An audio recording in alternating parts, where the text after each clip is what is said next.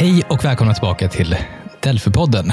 Felix heter jag och eh, jag har modererat senaste säsongen av podden. En nyhet från och med dagens avsnitt är att jag har med mig en till moderator, Olivia. Jajamän.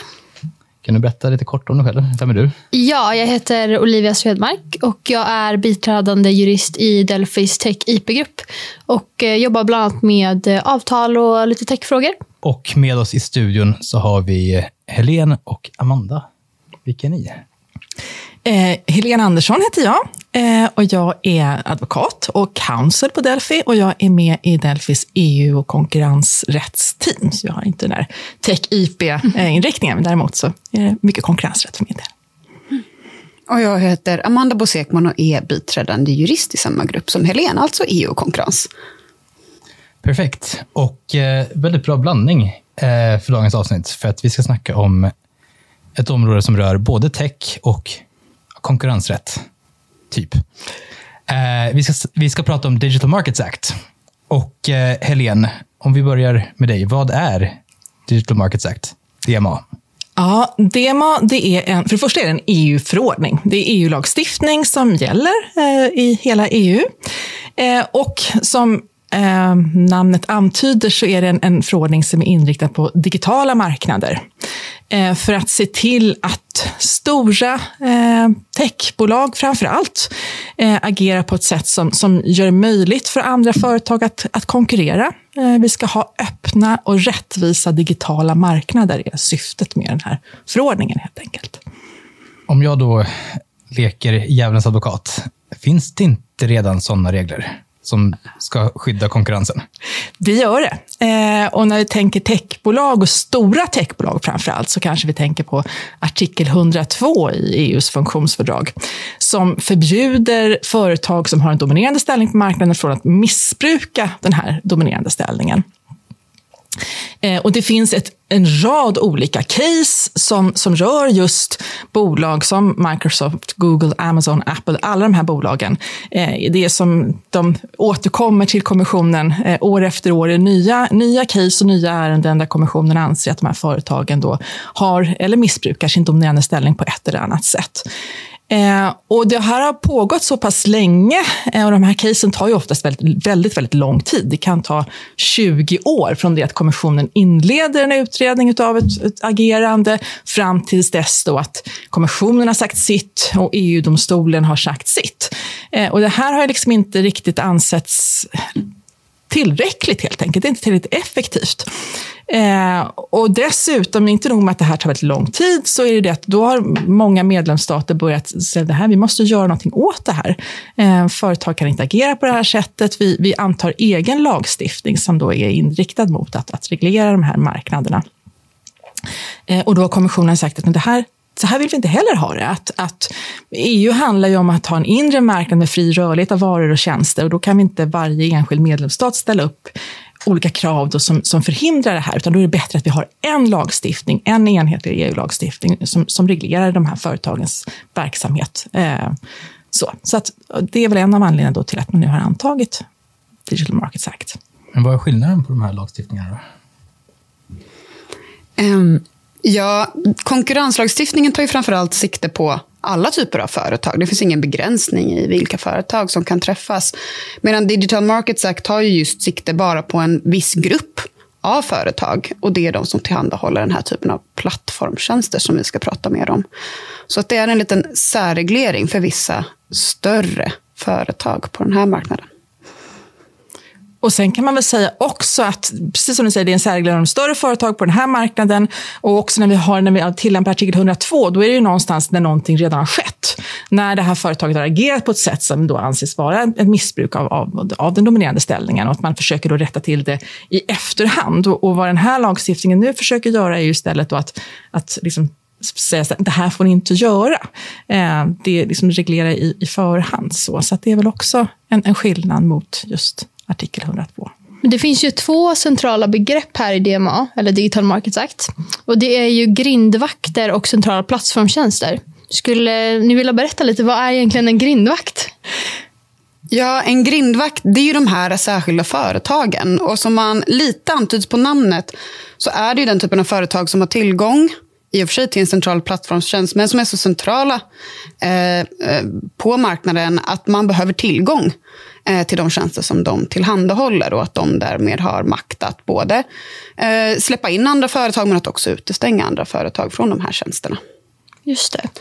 Och vad, vad krävs för att man ska betecknas som en grindvakt egentligen?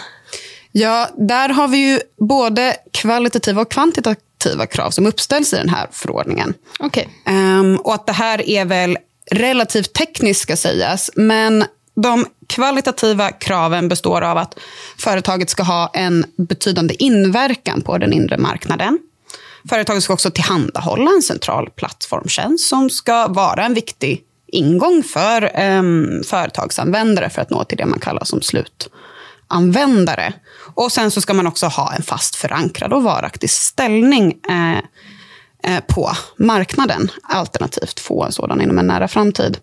Och Det finns också då kvantitativa krav. Och De här kvantitativa kraven fungerar på det sättet att om de uppfylls så finns det en presumtion för att även de här kvalitativa kraven ska vara uppfyllda. Och om man anser att de här kvalitativa kraven är uppfyllda, då kan kommissionen fatta ett beslut om att utse ett företag till en grindvakt.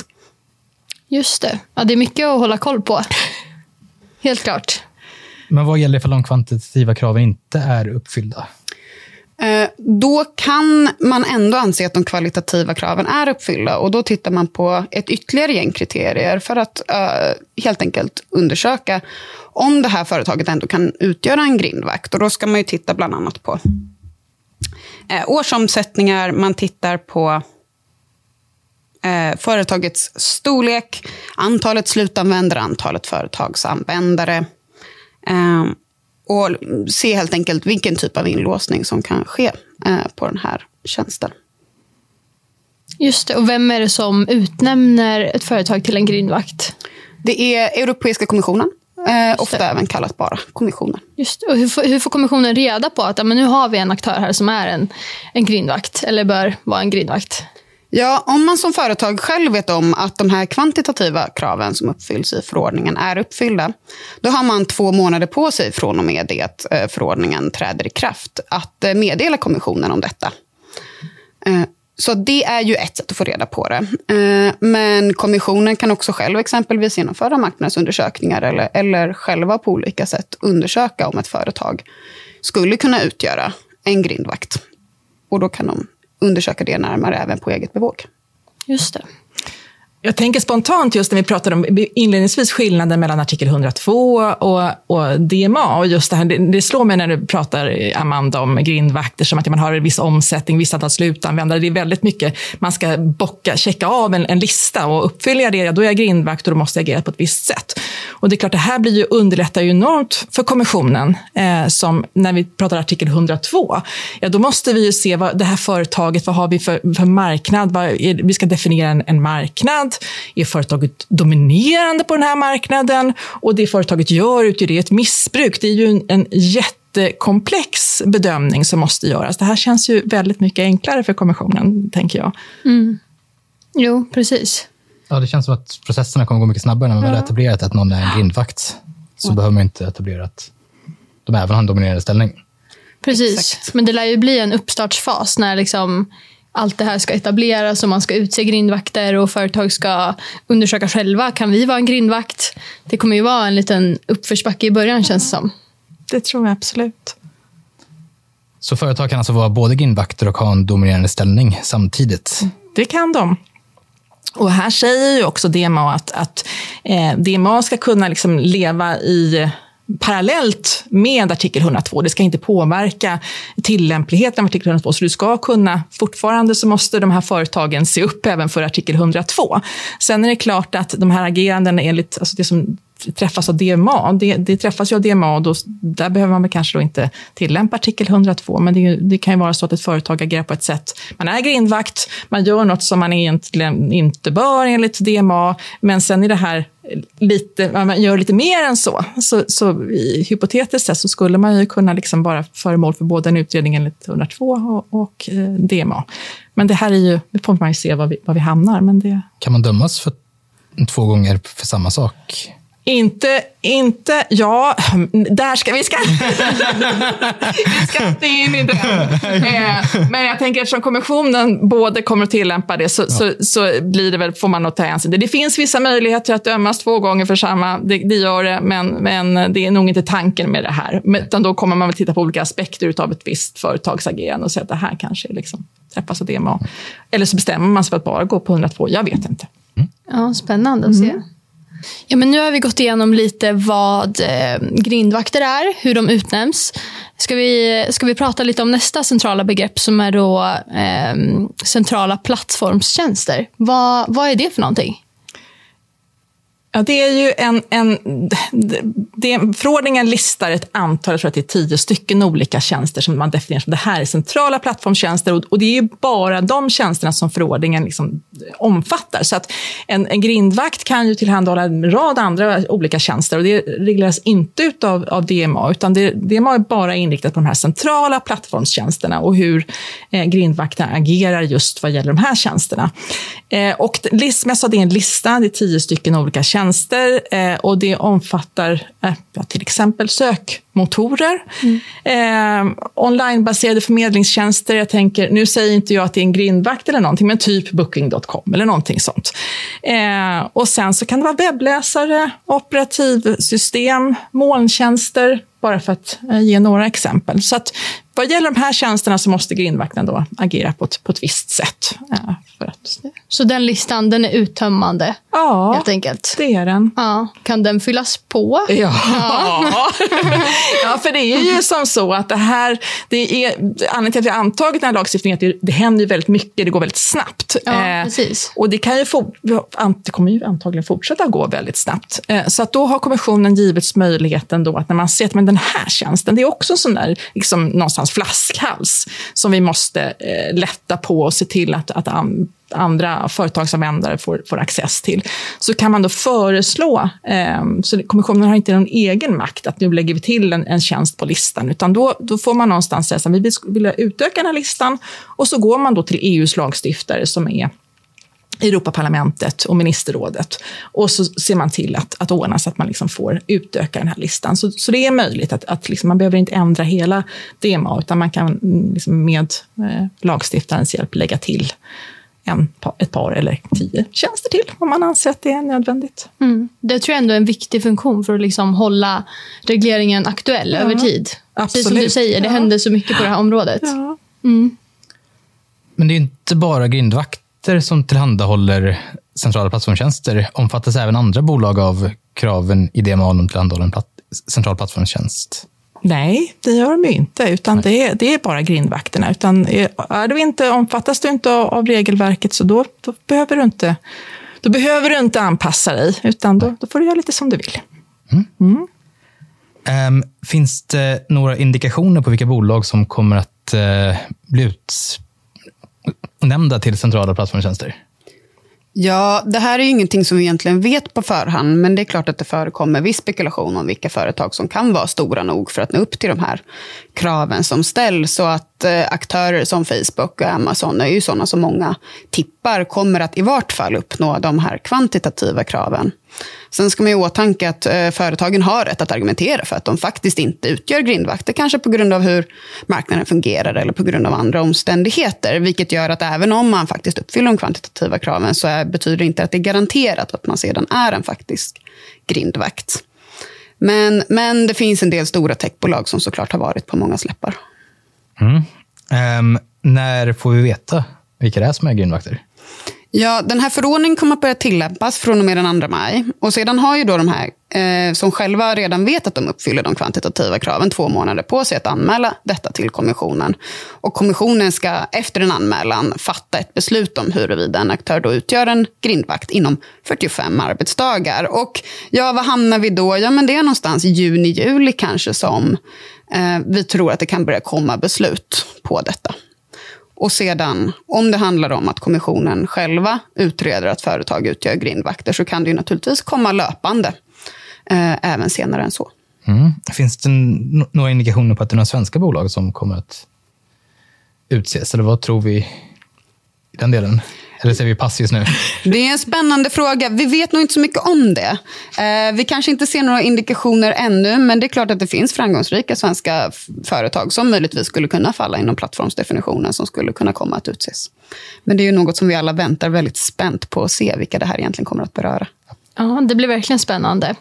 Men vilka skyldigheter är det de här grindvakterna kommer träffas av nu enligt Digital Markets Act? Vad, vad är det de måste göra eller kanske inte får göra? Ja, det här är ju såklart det, det mest centrala i den här förordningen och det kan jag berätta att det är en lång lista. Ja. Eh, Det är många skyldigheter som man har att rätta sig efter om man har utsatts till en grindvakt. Eh, Och den som är intresserad av konkurrensrätt kommer sannolikt att känna igen ganska många av de här Eh, bestämmelserna från tidigare eh, konkurrensrättsfall helt enkelt. Att man har tagit sådana problem som man har sett i konkurrensrätten eh, och sen så har man helt enkelt lagt dem i den här lagstiftningen.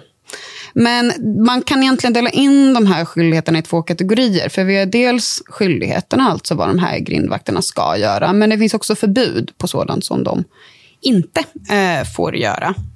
Eh, och om vi tittar på skyldigheter så tittar vi bland annat på att man måste tillåta sina slutanvändare att exempelvis avinstallera olika typer av applikationer och programvaror från operativsystem. Det här kan till exempel röra att man ska kunna avinstallera en webbläsare på sin smartphone och byta ut den mot en annan webbläsare från en annan leverantör. Ehm, man ska även göra det till möjligt för företagsanvändare att nyttja eh, plattformtjänsterna för att erbjuda sina egna tjänster och teckna avtal med slutanvändare på de här plattformarna. Och eh, Man måste också börja ge alla slutanvändare tillgång till den data som de genererar på de här plattformarna. Och Den ska vara portabel, att man ska helt enkelt kunna begära ut den data som man själv har genererat och ta med den till andra typer av plattformar. Och om man tittar lite närmare på förbuden så har vi bland annat förbud för att återanvända personuppgifter som man har samlat in i en del av sin verksamhet för att använda den i andra tjänster som man tillhandahåller, utan den data som genereras ska helt enkelt stanna inom samma tjänst där den har genererats. Eh, man får också inte hindra företagserbjudanden från att erbjuda tjänster eller appar eh, på plattformar. Och eh, man får heller inte behandla sina egna produkter mer förmånligt än konkurrenternas produkter när man erbjuder till, exempel- till exempel rankingtjänster. Och då kan vi prata om sökmotorer till exempel, där man inte får göra så att de tjänster som man själv erbjuder konsekvent hamnar högre i, i söklistan än vad konkurrenternas tjänster gör. Hur kommer användarna av de här tjänsterna att påverkas av DMA? Tror vi. Du tänker företagsanvändare, slutanvändare? Eller? företagsanvändare. Ja, för företagsanvändare så är det ju någonstans, eller ja, för alla, eh, att man ska få en, en bättre access eh, till marknaden och till de här tjänsterna och, och en större valmöjlighet. Eh, och detsamma blir det någonstans för slutanvändare, att vi också ska få en större frihet, en valmöjlighet på ett annat sätt än vad vi kanske har nu. Eh, så förhoppningsvis så ska det här bli bra både för, för företags och slutanvändare. Vad händer om en grindvakt eh, inte följer DMA? Vad har jag om jag är en företagsanvändare för, möjlighet att påverka det här? Ja, då kan du vända dig till kommissionen eh, och klaga och säga det att det här, här har vi en grindvakt som, som enligt DMA ska göra på det här sättet och jag kan visa att, att man gör på ett annat sätt.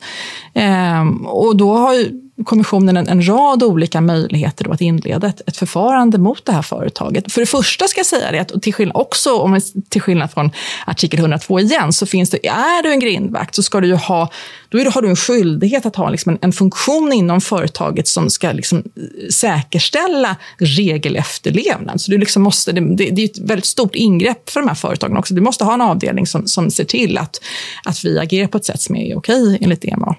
Eh, men det kan ju innebär, ju inte nödvändigtvis att man alltid Eh, efterlever reglerna. Så att kommissionen har fått en, en rad olika verktyg då för att eh, utreda eventuella överträdelser. Och återigen, kan man konkurrensrätten så, så känner man igen. Eh, det är i princip samma verktyg som man har här. Man kan eh, genomföra gryningsräder, eh, man kan förhöra eh, de personer som samtycker till det förvisso. Eh, man kan begära in data och information från företagen besluta om interimistiska beslut om det är någonstans vi utreder den här frågan. Vi, vi tror att du som grindvakt inte gör det du ska. Och det här kan verkligen drabba, för det är ju lite därför man har antagit den här lagstiftningen, att man ser att, att eh, det finns att grindvakternas ager de här eh, agerarna på centrala plattformstjänster, om man, inte, om man inte följer det här så finns en risk att man slår ut konkurrensen helt på marknaden, att det kan få så stora effekter. Eh, så det kan ju finnas anledning i, i en utredning att, att också besluta om interimistiska beslut, att under tiden vi utreder det här så måste ni avhålla er från att göra på det här sättet innan vi har bedömt om det är förenligt med DMA eller inte. Så att, så att kommissionen har en, en eh, stor verktygslåda eh, för att säkerställa att företagen gör som de ska. Och sen kan man ju då dessutom fatta beslut om att utdöma böter, viten eh, och också eh, att företagen, förelägga företagen att agera på ett visst sätt, att upphöra med någonting eller att göra någonting och att kanske i värsta, sista fall också avyttra en viss del av verksamheten. Och så så det, det finns rätt... Kommissionen har väldigt många verktyg. Men så kommissionen får undersöka och utreda grindvakter för att se hur de efterlever DMA. Ja. Eh, vilka befogenheter har kommissionen när de gör det här? Vad, vad kan de begära från grindvakterna? På vilket sätt ska de liksom få reda på om, om de inte efterlever DMA? Eh, dels så har man ju en, en skyldighet att, liksom, att rapportera och eh, kommissionen har en skyldighet att årligen följa upp. Så, så det finns som ett, liksom ett, ett, ett, grundläggande att du ska rapportera och liksom, din efterlevnad. Men om man misstänker att ett företag inte gör som det ska, då, då kan du till exempel då eh, genomföra en gryningsräd, eh, vilket är ett ett oanmält eh, platsbesök hos det här företaget, att man kommer dit. Eh, vill man veta mer om gryningsräder så kan man titta på vårt tidigare poddavsnitt som handlar om just det. Eller lyssna. Eller lyssna. Eh, men, men att man då genomför en oanmäld inspektion hos företaget. Man kan också naturligtvis eh, begära in information. Vi behöver den här informationen, fatta beslut om det. Och är det så att ni inte uppfyller det här åläggandet som ni ska, så, så kan vi besluta om, om böter för, för just det. Eh, så att jag tror att det, och jag tror att, att grindvakterna själva, det är ju inte, de har nog, det ligger nog i deras intresse också att, att i möjligaste mån faktiskt eh, samarbeta med kommissionen. Eh, även om de naturligtvis också ska kunna tillvarata sina rättigheter. Så. Finns det några andra möjligheter för företagsanvändare och slutanvändare att ja, få igenom sina rättigheter än att gå till kommissionen, tänker ja, du? Precis. Ja, eh, ja, det där är ju lite oklart. Men, men sannolikt kan man väl jag menar, vända sig eh, till en nationell domstol också med, med en fastställelsetalan eller no, någon annan typ av liksom, för att få igenom. Eh, det är inte helt omöjligt. Framförallt tänker jag just också om man har, har lidit skada till följd utav en grindvakts agerande så ska man nog ha möjlighet i alla fall att få få skadestånd för det. Eh, och det finns någon bestämmelse i eh, förordningen som rör just grupptalan och att, att det ska finnas möjlighet till det. Så det, det, det, det gör det nog, men eh, ännu är det väl ovisst exakt hur det här kommer att se ut. Vad händer då om jag, eller om en grindvakt ändrar sitt beteende så att de uppfyller sina skyldigheter enligt DMA, men jag fortfarande inte är nöjd med deras beteende och tycker att det här skadar konkurrensen, kan jag fortfarande vända mig till kommissionen och säga att hej, de här bryter mot DMA. De har ändrat sig lite grann, men... Ja, det finns det ju egentligen inga hinder mot. Eh, men eh, Sen är det ju självklart som alltid upp till kommissionen vad man gör av det. Men man kan ju också tänka sig att beroende på om det är ett beteende som också skulle kunna falla utanför DMA så är det ju som Helene faktiskt påpekade innan inte helt omöjligt att man istället vänder sig till konkurrensreglerna.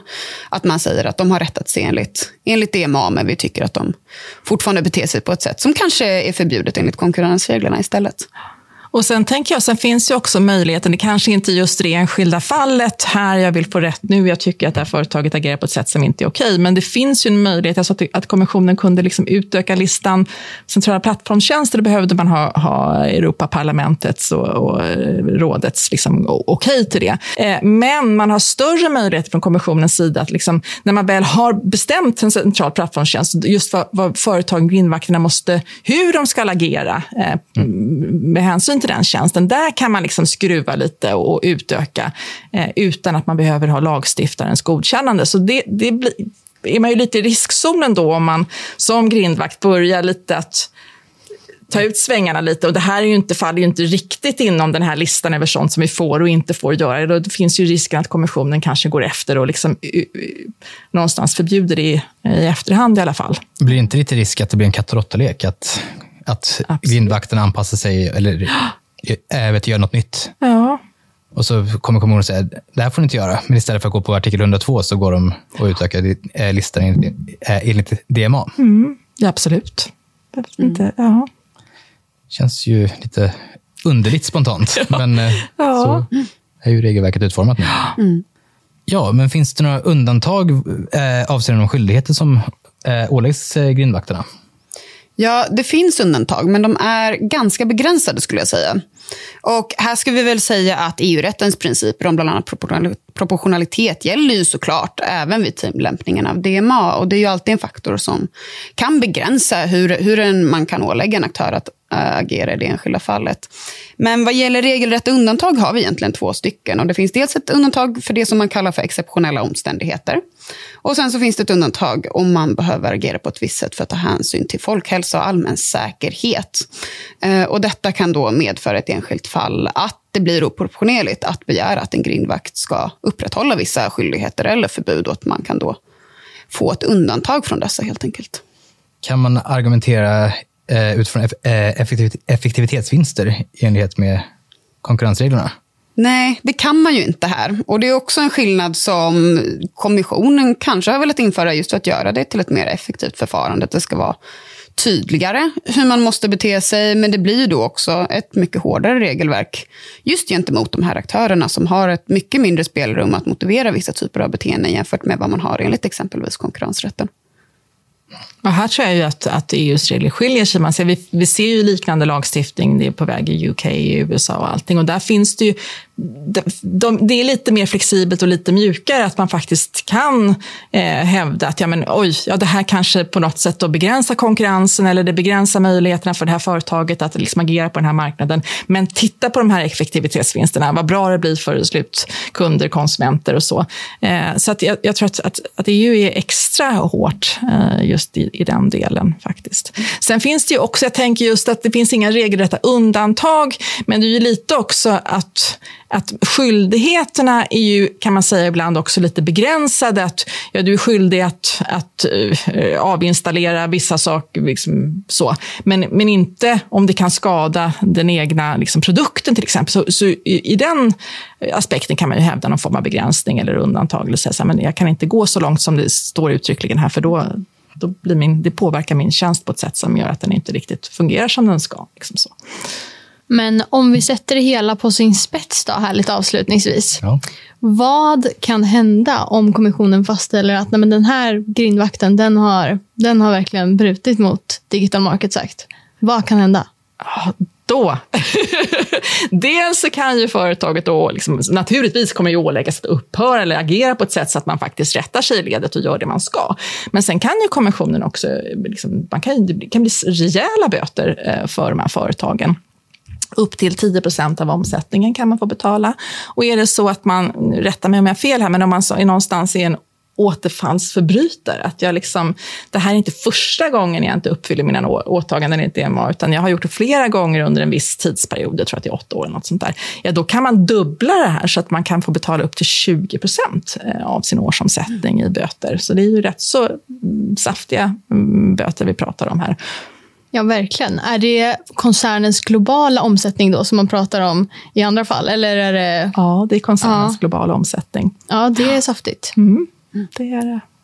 Och det är dessutom så att för de som verkligen ja. är återfallsförbrytare, och då snackar vi att man ska ha begått en liknande överträdelse åtminstone tre gånger på åtta år, eh, då kan kommissionen till och med gå in med strukturella eh, åtgärder och till och med beordra ett företag att kanske sälja loss delar av sin verksamhet. Eh, eller att man till exempel förbjuder dem från att genomföra ytterligare förvärv på den digitala marknaden och så vidare. Så att eh, det gäller att följa den här lagstiftningen, för det finns rejäla konsekvenser eh, mm. för de som inte gör det. Ja, den är väldigt ingripande, den här mm. lagstiftningen generellt, eh, måste man säga. Ja. Eh, kanske med nödvändighet, men ändå. Det, det, blir, det är tuffa regler som gäller för de företag som, som utnämns till grindvakter. Du nämnde i början att eh, det tar väldigt lång tid att bedriva en artikel 102-process. Mm.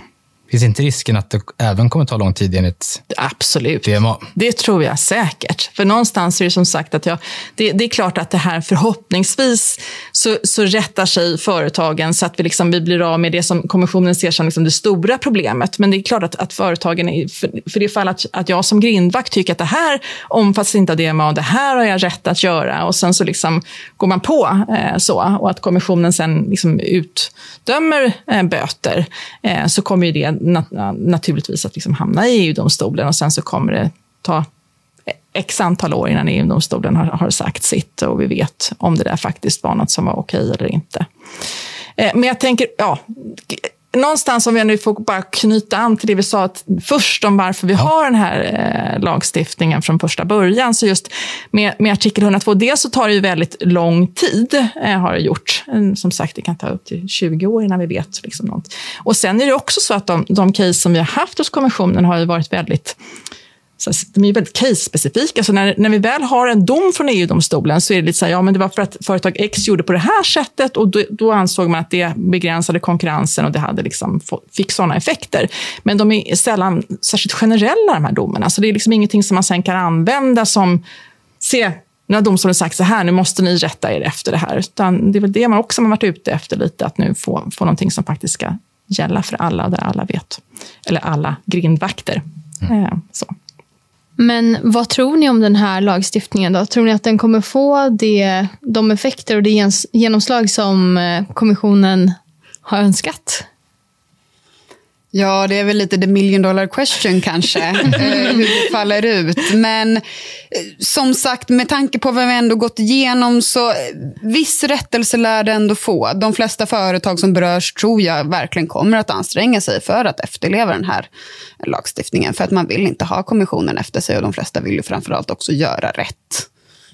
Um, ja, ja, ja, för det tänker jag just att de här de casen som vi har haft, det är ju någonstans där, man, där kommissionen har prövat ny mark. Jag tror inte att de här företagen nödvändigtvis har velat göra fel, utan det är att man, man agerat på ett sätt som man, det här har aldrig tidigare prövats. Vi gör det här, vi har liksom, som företag så har man ju rätt att agera. Alltså, generellt sett eh, bestämma själv över, över sitt agerande, hur man ska göra.